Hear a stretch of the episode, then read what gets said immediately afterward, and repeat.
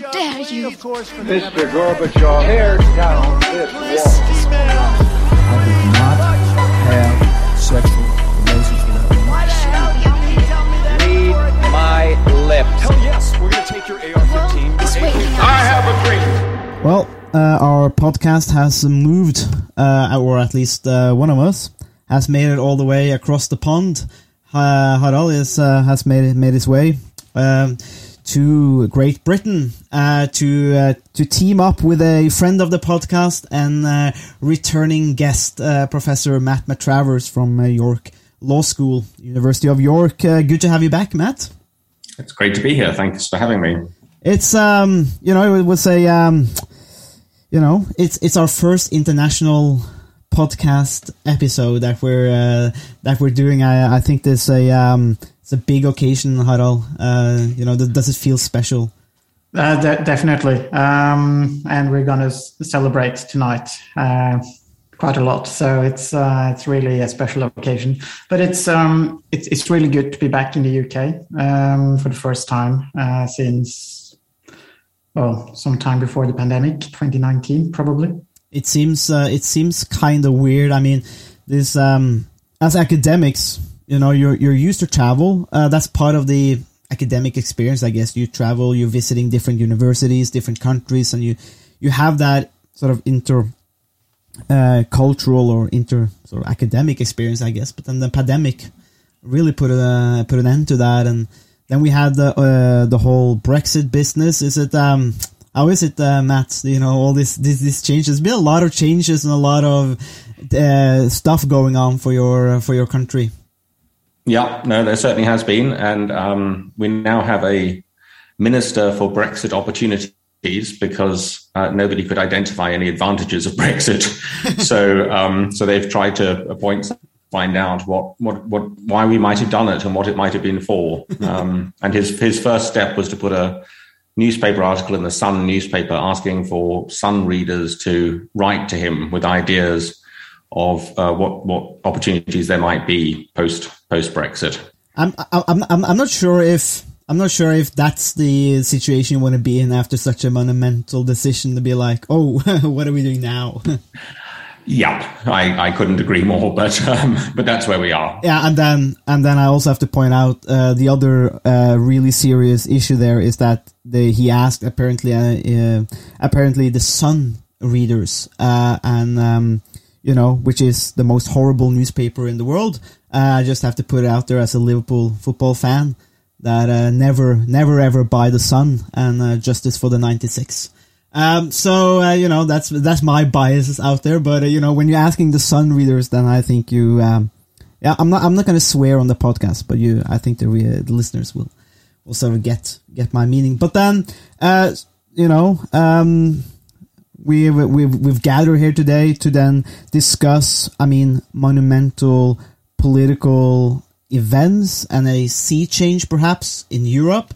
Um, the conflict in Ukraine between Ukraine and Russia. We've been talking a lot about it in our podcast, uh, Harald, um, about uh, and try to analyze it as best as we can from a political science uh, perspective. Then, you know, what's interesting today is that we can bring in sort of the more international perspective uh, from uh, from Great Britain, and uh, I think you know for most of our listeners who are in Norway, you know, we we get the Norwegian coverage of the conflict. But it's interesting to then ask you, Matt. Um, you know, how's how's the conflict been been viewed in in Great Britain? If you can sort of say something generally about the uh, you know the whole conflict and then perhaps the uh, news coverage and the political response to it.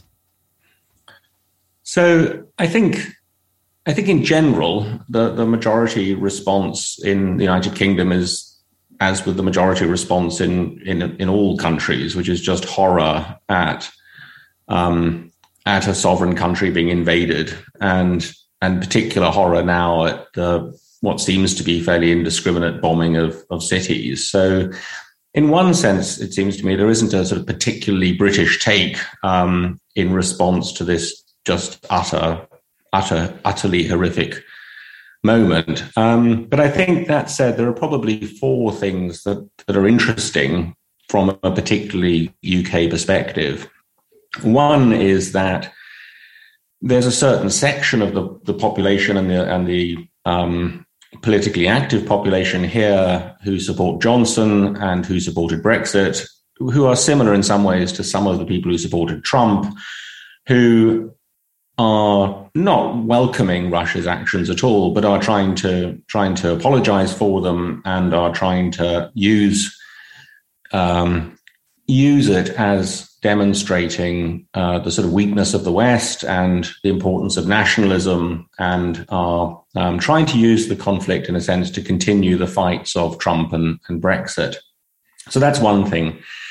The second thing is Brexit and the the position we're in now, which is that you know the EU 27 are making decisions on sanctions and so on, and uh, Boris Johnson, of course, is not in the room, and so we're having to wait for the decisions to be made and not being part of it. And this is really the first major world event that's happened since Brexit. And it's, it's really brought home the degree to which the UK is now not a part of Europe and is, and is isolated. Um, the third, and we can pick up in, any of these, is, is of course that London and uh, the political elite in, in England in particular have very tight connections with um, with Russian and and Russian money. You know, London is referred to as Londongrad um, or the laundromat for for um, for washing Russian money.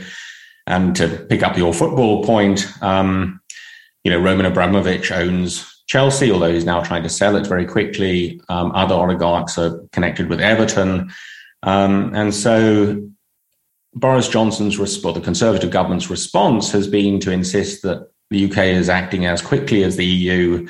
But in fact, it seems as if all we're doing is saying there will be sanctions on these particular individuals, but they'll start in about 30 days' time, which gives them, of course, all, all the time in the world to, to, to move all their money before we, before we come after it.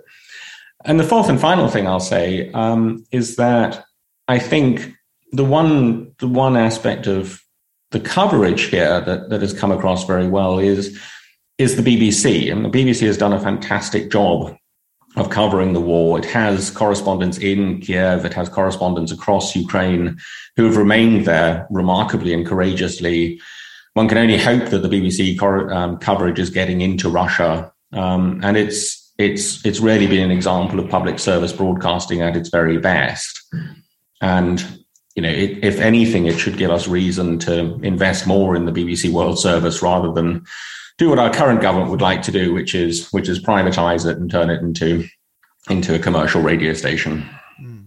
So, so do you see? I, I just want to pick up um, quickly on that one point you made about you know basically do do you see you know the narratives or the perspectives on the war and then getting tied into you know uh, you you mentioned the Brexit uh, and the support for Trump or the more nationalist uh, perspective, and that they're like, you know, they don't like what Russia is doing, but then, you know, you still want to have that, I don't know, if, if we can describe it as a sense of like, you know, increased nationalism. There's a nationalist uh, trend, and and which also seems to sort sort of rejoice, I guess, away in the demise, the so-called demise of the liberal West uh, the the way they see it. Do you, it, it, do you see you know are those narratives being intertwined and, and mixed up here?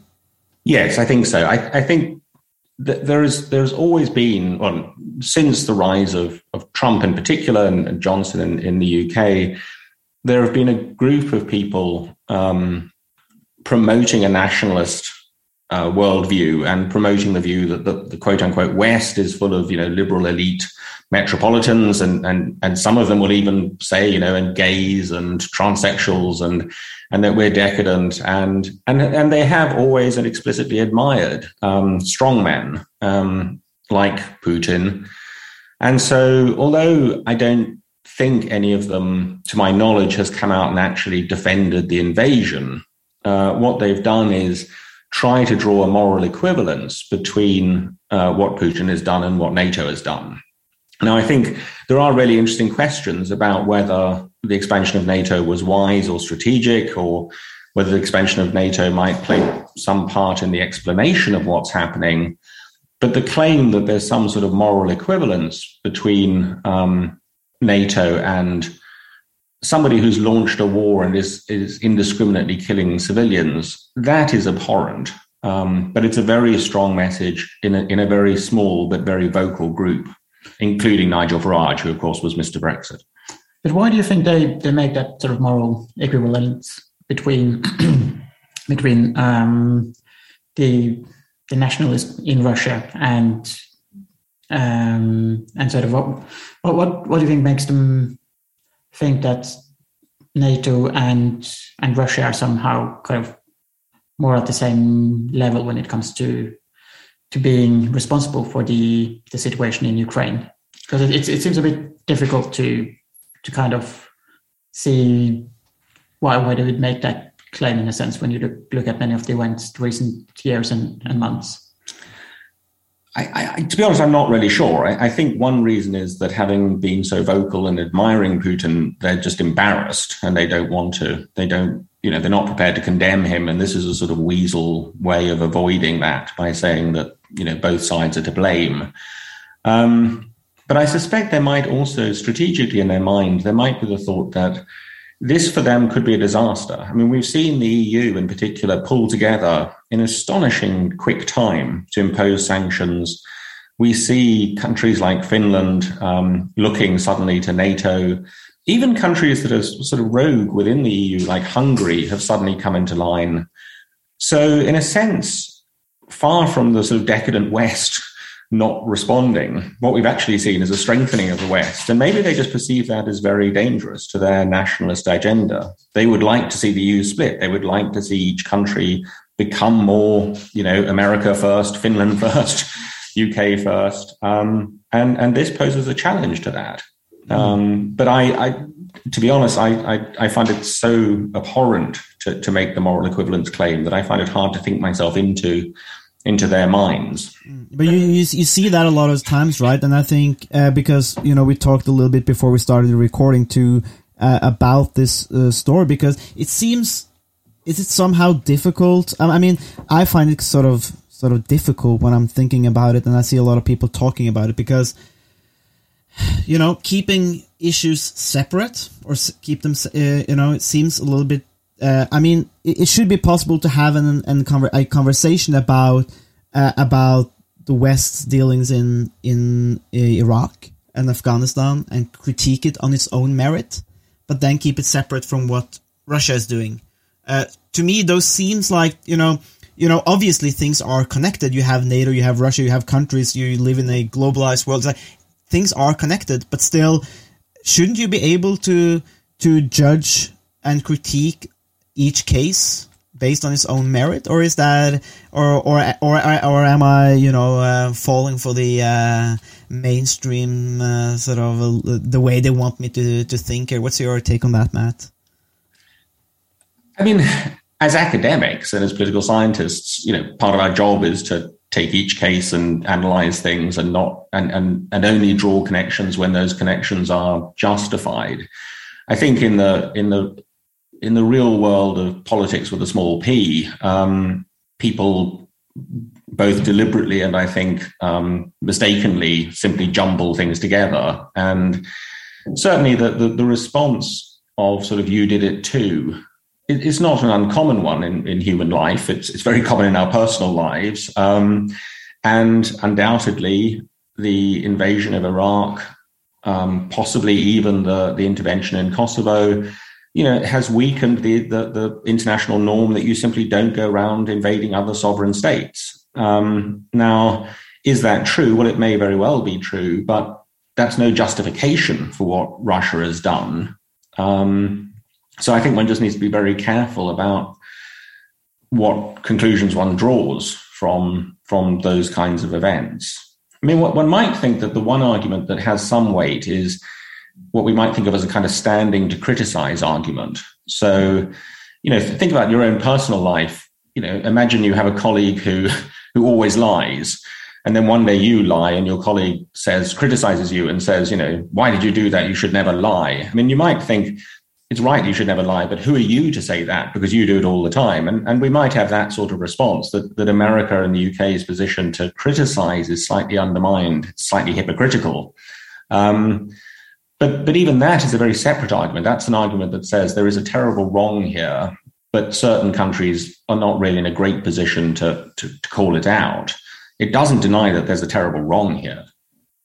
If I can just add something to that, um, I, I, think one of the thing one of the things that the rest of the world uh, sort of learned um, in the aftermath after the the invasion of Iraq in 2003 was basically that we, we can't really do that anymore. You can't do these things anymore. It does, it's it's wrong, and it's it's sort of nothing good comes out of it. Um, and then Putin sort of seems to have drawn the the opposite lesson. Uh, well, the rest of the world, world thought that well, this was horrible, and we should never ever do that again. Then Putin seemed to think that well, this is a good idea. Um, and the interesting thing is that what happened in Iraq after 2003 was a complete disaster for the US and the rest of the world.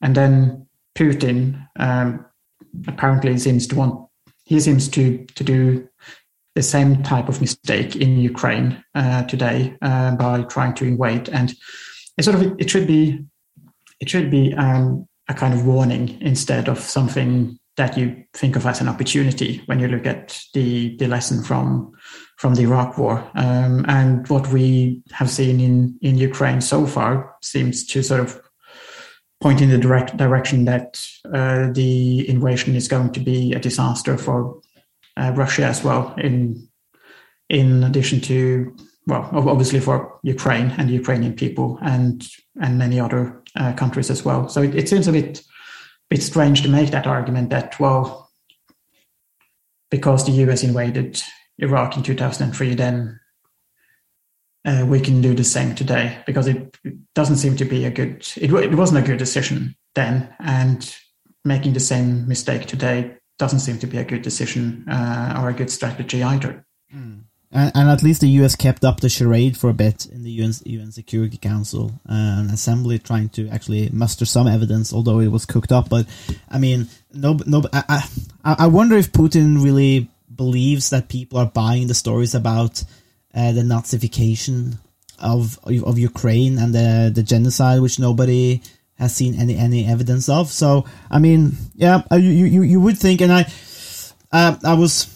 I was I was listening earlier to the uh, to the uh, to the to the speech uh, that uh, um, Professor John Mearsheimer gave in Chicago, which even the Russian um, authorities have quoted because he he basically puts the blame on the West for because of the expansion of NATO and going further into the Eastern Bloc, then that somehow automatically pushes Putin to respond, and so we have to take the blame for it. And I'm I'm wondering there's like John Mearsheimer is a is a famous realist scholar that we covered, you know, the this school of thought we cover in our podcast uh, but it also seems, I don't know, just too easy in, a way. It's just that.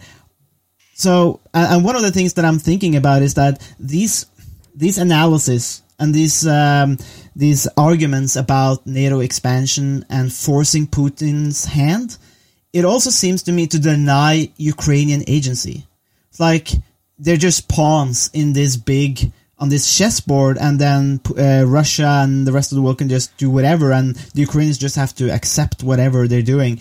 And and to me, that seems you know uh, uh quite disrespectful too, because I mean, what if the Ukrainians really wanna move westwards, uh, and wh- why should they be denied the political opportunities that they want just because Russia wants a buffer state? Uh, and it, it, seems like me that you know some of those analyses don't seem to recognize that. But um, you know, yeah, I mean, if you can just finish that point, what do you think, Matt? Uh, just just about this whole narrative and discussion. Yeah, I mean, I think it's, it's important to say two things. Um, I mean, one is the realist explanation of the conflict, if it if it has power, only has power as an explanation. It might explain why we've got into the position we've got into, and it might explain why Putin felt under pressure. What it doesn't do is justify what he's done, and I and it doesn't mean that we share the blame. We no nobody shares the blame for invading Ukraine and bombing civilians. That is entirely at the foot of one man, and that's Vladimir Putin. That's not to say that the, the realist position as an explanation doesn't do any work. I mean, it might be true that actually we look back and we think it was unwise. Um, in just practical and sort of you know consequentialist terms, it was unwise to to expand eastwards.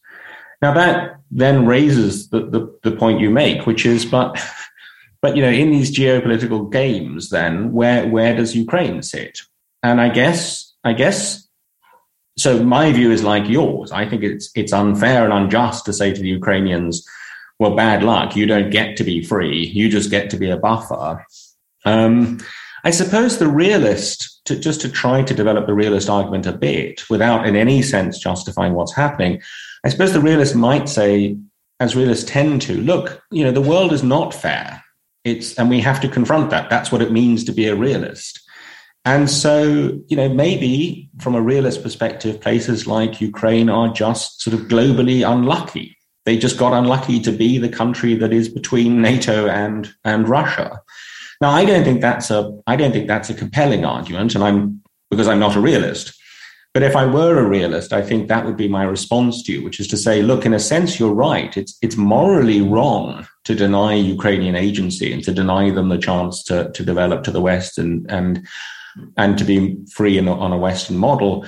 But politics isn't about morality. That's precisely the realist thought. And so the realist can say, yes, it's morally wrong, but it's practically necessary. And I guess can ask you know the question if we had done it if we had done what they see as practically necessary would we have not got to where we've got to and then there's there's also an element of push and pull as well uh, many of the the countries in eastern europe they felt pushed away from russia because they perceived russia as a as a threat because of what happened in, in Hungary, 1956, um, and Czechoslovakia in um, 1968.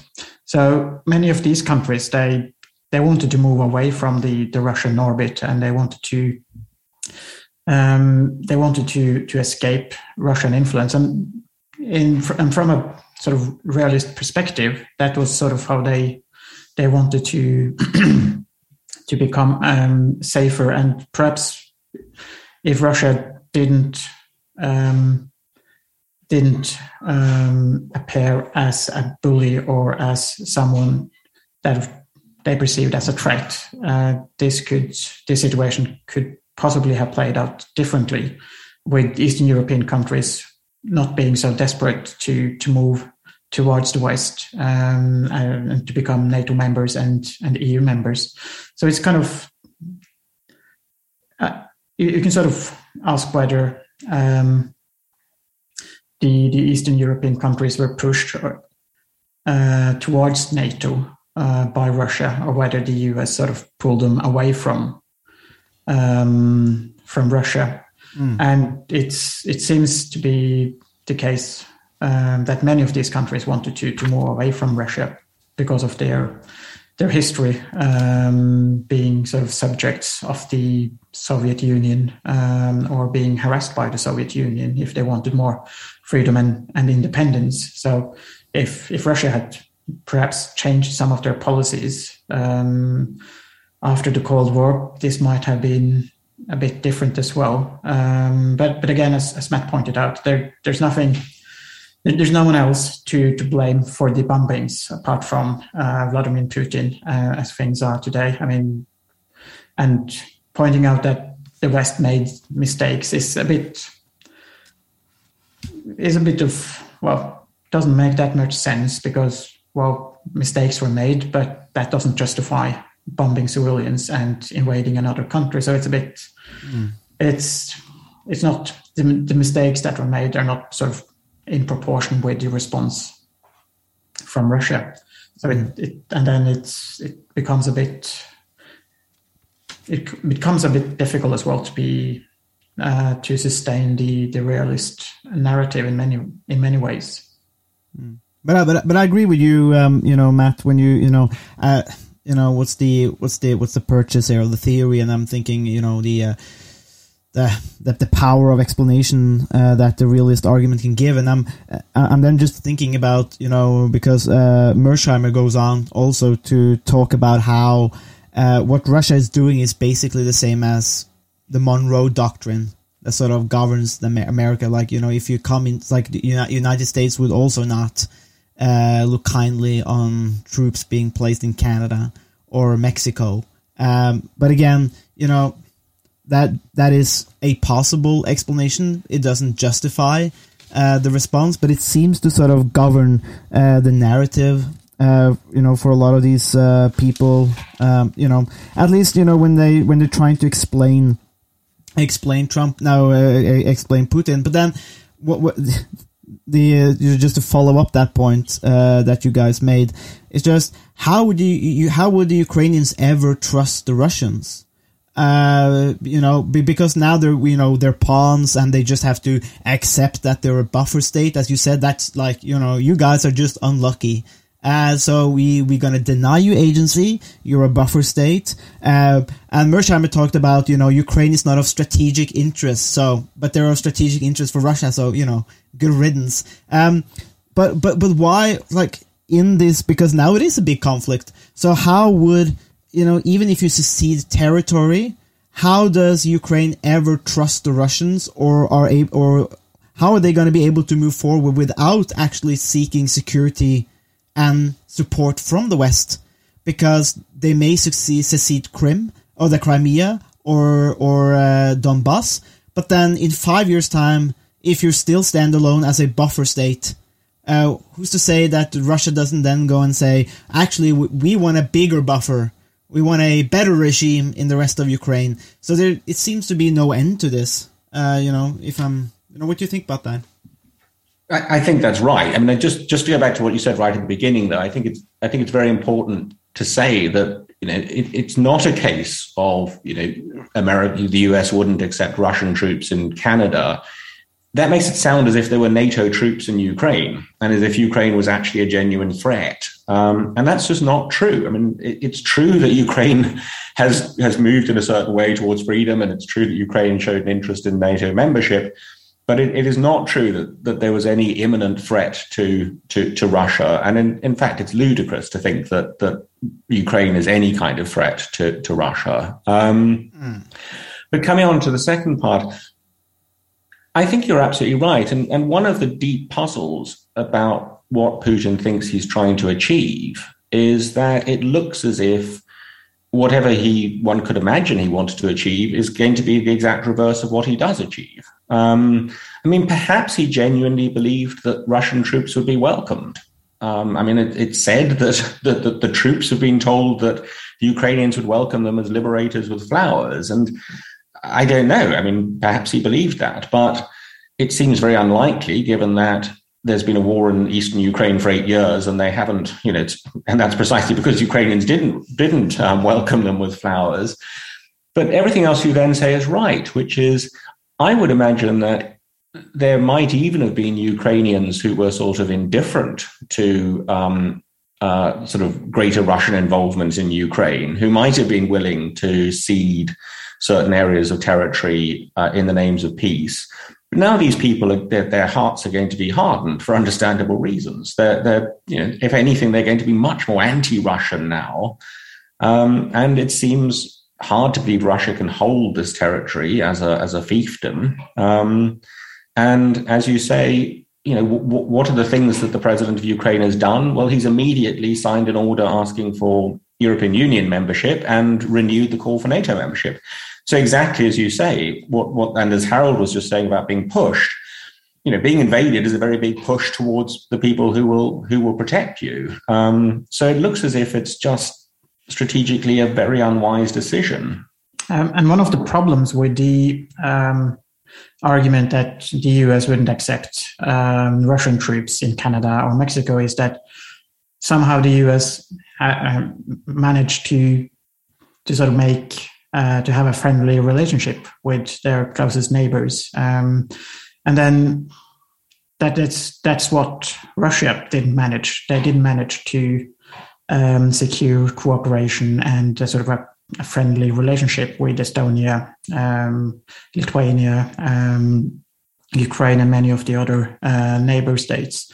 Um, so it's it's kind of if if a country behaves in the very strong realist um, way of behaving, then they will also then then they will push their neighbors away, and they will uh, and their security situation will perhaps even deteriorate, and that then is sort of a, ends up in in a situation where everyone is losing, and everyone is is worse off than um, than at the beginning, and that that's sort of the perhaps to some extent what's happened in this situation as well when when Russia has behaved uh, aggressively towards their neighbor uh, neighbors and neighbors have moved deliberately moved away from uh, the Russian uh, influence. Yeah, as as you say, there's a big there's a big push factor here, uh, you know, uh, and and I guess I guess I guess it's you know seems like Russia has you know failed to pull states into its orbit, you know, voluntarily that you want to be part of it, whereas uh, I, th- I think I think that's a great one of the great virtues perhaps of the EU, which is you know maybe a bad thing that you know the UK actually left. It's just that you know you can actually pull the states together in a way and and work together and you create some sort of cohesion. I think that's a it's a great argument for for the EU. But then you so you're able to pull states in uh, by the virtue of that fact. But then Russia seems to be very good at pulling uh, or pushing uh, countries away, and then when they're being pushed away. Um, you know they're they're they're dragging them back in uh, by force. Uh, you know, we talked about this, uh, Harald. You know, this um, this weird argument about we're being the you know brothers and sisters, and now we have to kill you uh, to make you see that we're family. And it's like it seems, you know, it seems uh, really bad. And then, but I, it just hit me. Uh, I just want to bring that uh, up as well because one of the arguments that I've seen. From Mearsheimer, but also other people, is that uh, the EU and Europe and, and, and the West has deliberately tried to peel Ukraine away from Russia. Uh, so you know that's one of the arguments, um, which is which I cite now from from John Mearsheimer. He's saying that you, Europe or the West try to peel Ukraine away from uh, Russia. Uh, that that that first of all that makes it seem like Ukraine belongs to Russia in in some sort of way, but also is there like this th- there's an argument there, or a um, there's an argument being made that there is a concerted effort by Western countries to sort of, I don't know, under the table pull Ukraine towards towards the West in an effort to undermine Russia. Um, the way I so so I could be wrong, and I'm wondering what you what you guys are think about this. My reading of the situation is again the Ukrainian agency it's like I I want to I want to believe the Ukrainian people when they voted a certain way when they had their revolution or the political uprising. I'm thinking this could be a a a, a um, reaction, a consequence of the Ukrainian people not wanting the Russian be to be in the Russian orbit, but to be to look elsewhere. But then you have Mearsheimer and others saying that no, no, this is a a concerted, deliberate effort from Western countries uh, to peel Ukraine away, uh, and and that argument is being echoed, uh, you know, uh, in a lot of places. So, well, what do you think uh, about that uh, that issue there? I, think there are two things to say. I mean, one is, you know, if we go back a bit further to around 2001, it, it was clear that Russia and Putin, you know, envisaged a kind of a sort of equivalent of the, the European Union but of, of the East. Mm. Um, and, you know, again, when history comes to be written in, in, in 50, 100 years' time, when we've got a better perspective, it might be that, that in, you know, more could have been done to try to accommodate and try to, to, to, to allow that to happen. Um, but, but I think, I mean, I'm not an expert in this area, but it, it does seem to me that, that the difference is that the European Union is a, is really a union of relatively free states. I'm not suggesting that each state has equal power or that, you know, um, some of the smaller states aren't members because they, they worry about the, the, the influence of Germany, say, or France. Um, but the Russian model seemed much more to be you will come into our orbit rather than that, you know, we will join with you in a, in a community. Um, and as you've been saying, you know, being told you'll come into our orbit and obey us is not, is not really the best way to, to attract people. Um, as for the peeling, I mean, I think I think that just I'm sure that it's true that some Western agencies have tried to support uh, civil society movements in countries, But that's perfectly okay. There's no reason why that shouldn't happen. Um, and there's no reason why, if Ukrainians appeal to notions of human rights, for example, that that should be labeled as somehow Western. But, but this narrative is a very poisonous one, and it's used in Russia. Um, so, one of the ways in which Russia and, and Putin have exercised control is by essentially making illegal any institution that receives funding from, from quote unquote the West. And that way they've closed down, you know, organizations like Amnesty International, but also, you know, religious organizations and all sorts. And they're declared to be spies because they're getting money from the West.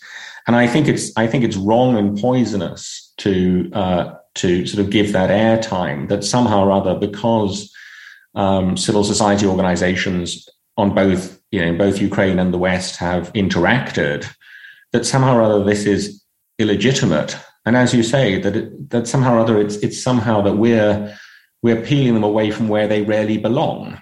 And that's not true. Where they really belong is where they want to belong and where they freely vote to belong. And that's for them and not for us. And certainly not for Putin. And you also have, and it's also the case that uh, one thing is to support um, Ukraine to choose their own path and to sort of support civil society in Ukraine, Russia, and many other places.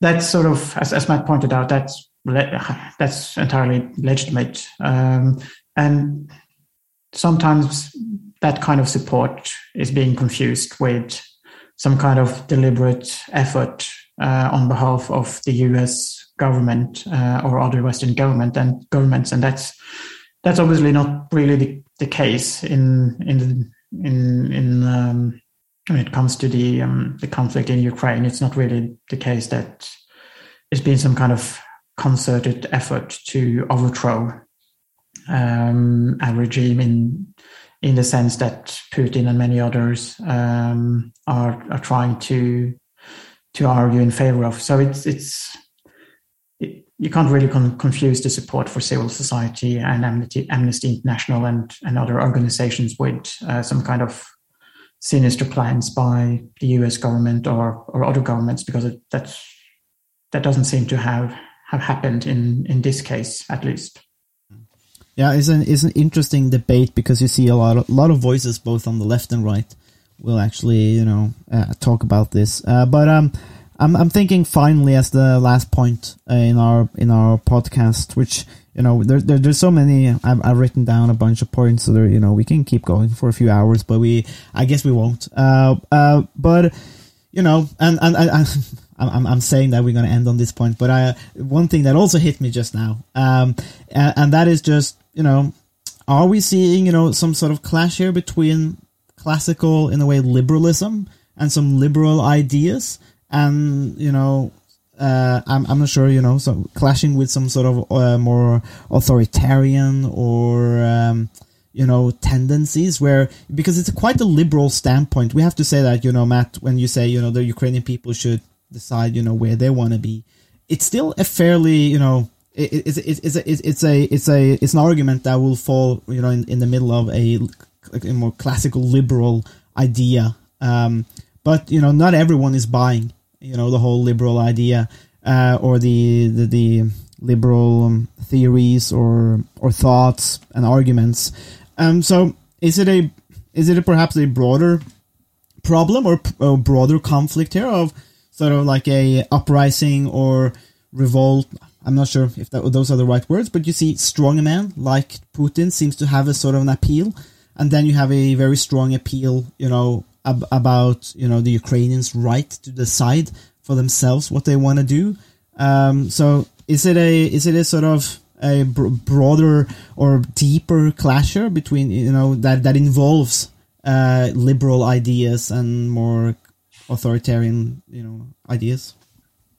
I mean, I think there is certainly a clash of values. Um, you know, Putin doesn't believe that Ukraine should have the right to determine its own future, and, and liberals do. And um, so I think there's a clash of values.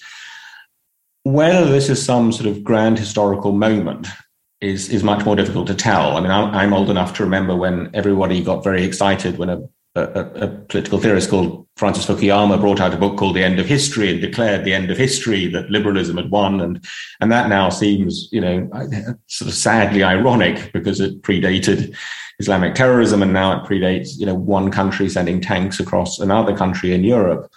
Um, but I, I think so, so, certainly there's a clash between liberalism and authoritarianism here. There's a clash between different world perspectives. Whether it turns out to be something more significant in terms of world history, I think we'll just have to wait and see.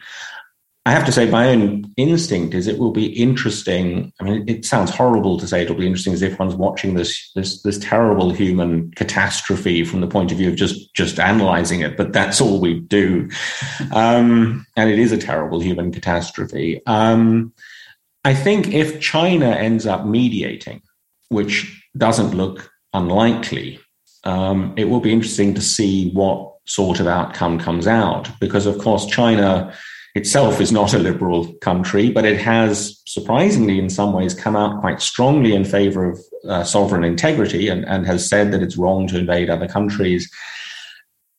If China chooses to mediate and chooses to mediate in a way that involves splitting uh, Ukraine either practically, either formally or at least in practice, that will be a suggestion in a way or a hint that the future is very is likely to be dominated by China as a as a superpower, and that's likely to be their kind of approach, which is a much more realist approach and one, of course, that, that reflects China's own interests rather than than liberal values. But whether that comes about, and if it comes about, whether it really marks a, a moment in history that that that is a tide turning against liberalism and in favor of of, of something like authoritarianism, it's always dangerous to say that that there's a there's this is a moment. Um, you only find that out in about 100 or 200 years. Um, interestingly, sovereignty has always sort of played an important role in, in realism, at least since 1648 uh, and the peace in, in Westphalia.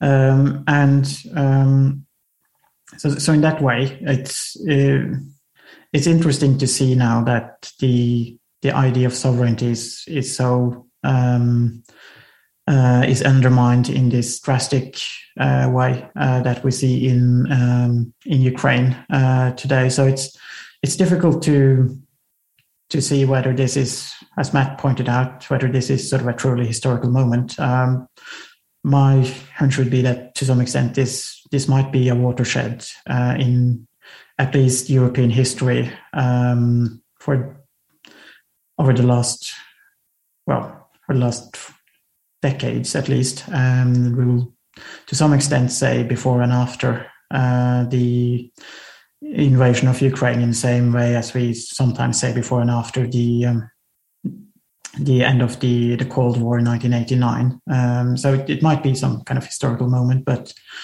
it's definitely a bit too early to tell. Uh, but um, if if the idea of, of sovereignty is not respected, then uh, that would be quite a bad thing, even for for many realists. And in in that case, um, the the future would look quite bleak. And the the good thing about the Chinese uh, mediating would be that it could, to some extent, strengthen the idea of sovereignty. Uh, if if it turns out perhaps slightly more positive and optimistic than than what Matt uh, suggested. So that that could be a good thing, uh, but it's it's a bit early to um, to tell. But that would be sort of a perhaps a, a best case scenario. And it's a already is, is yeah.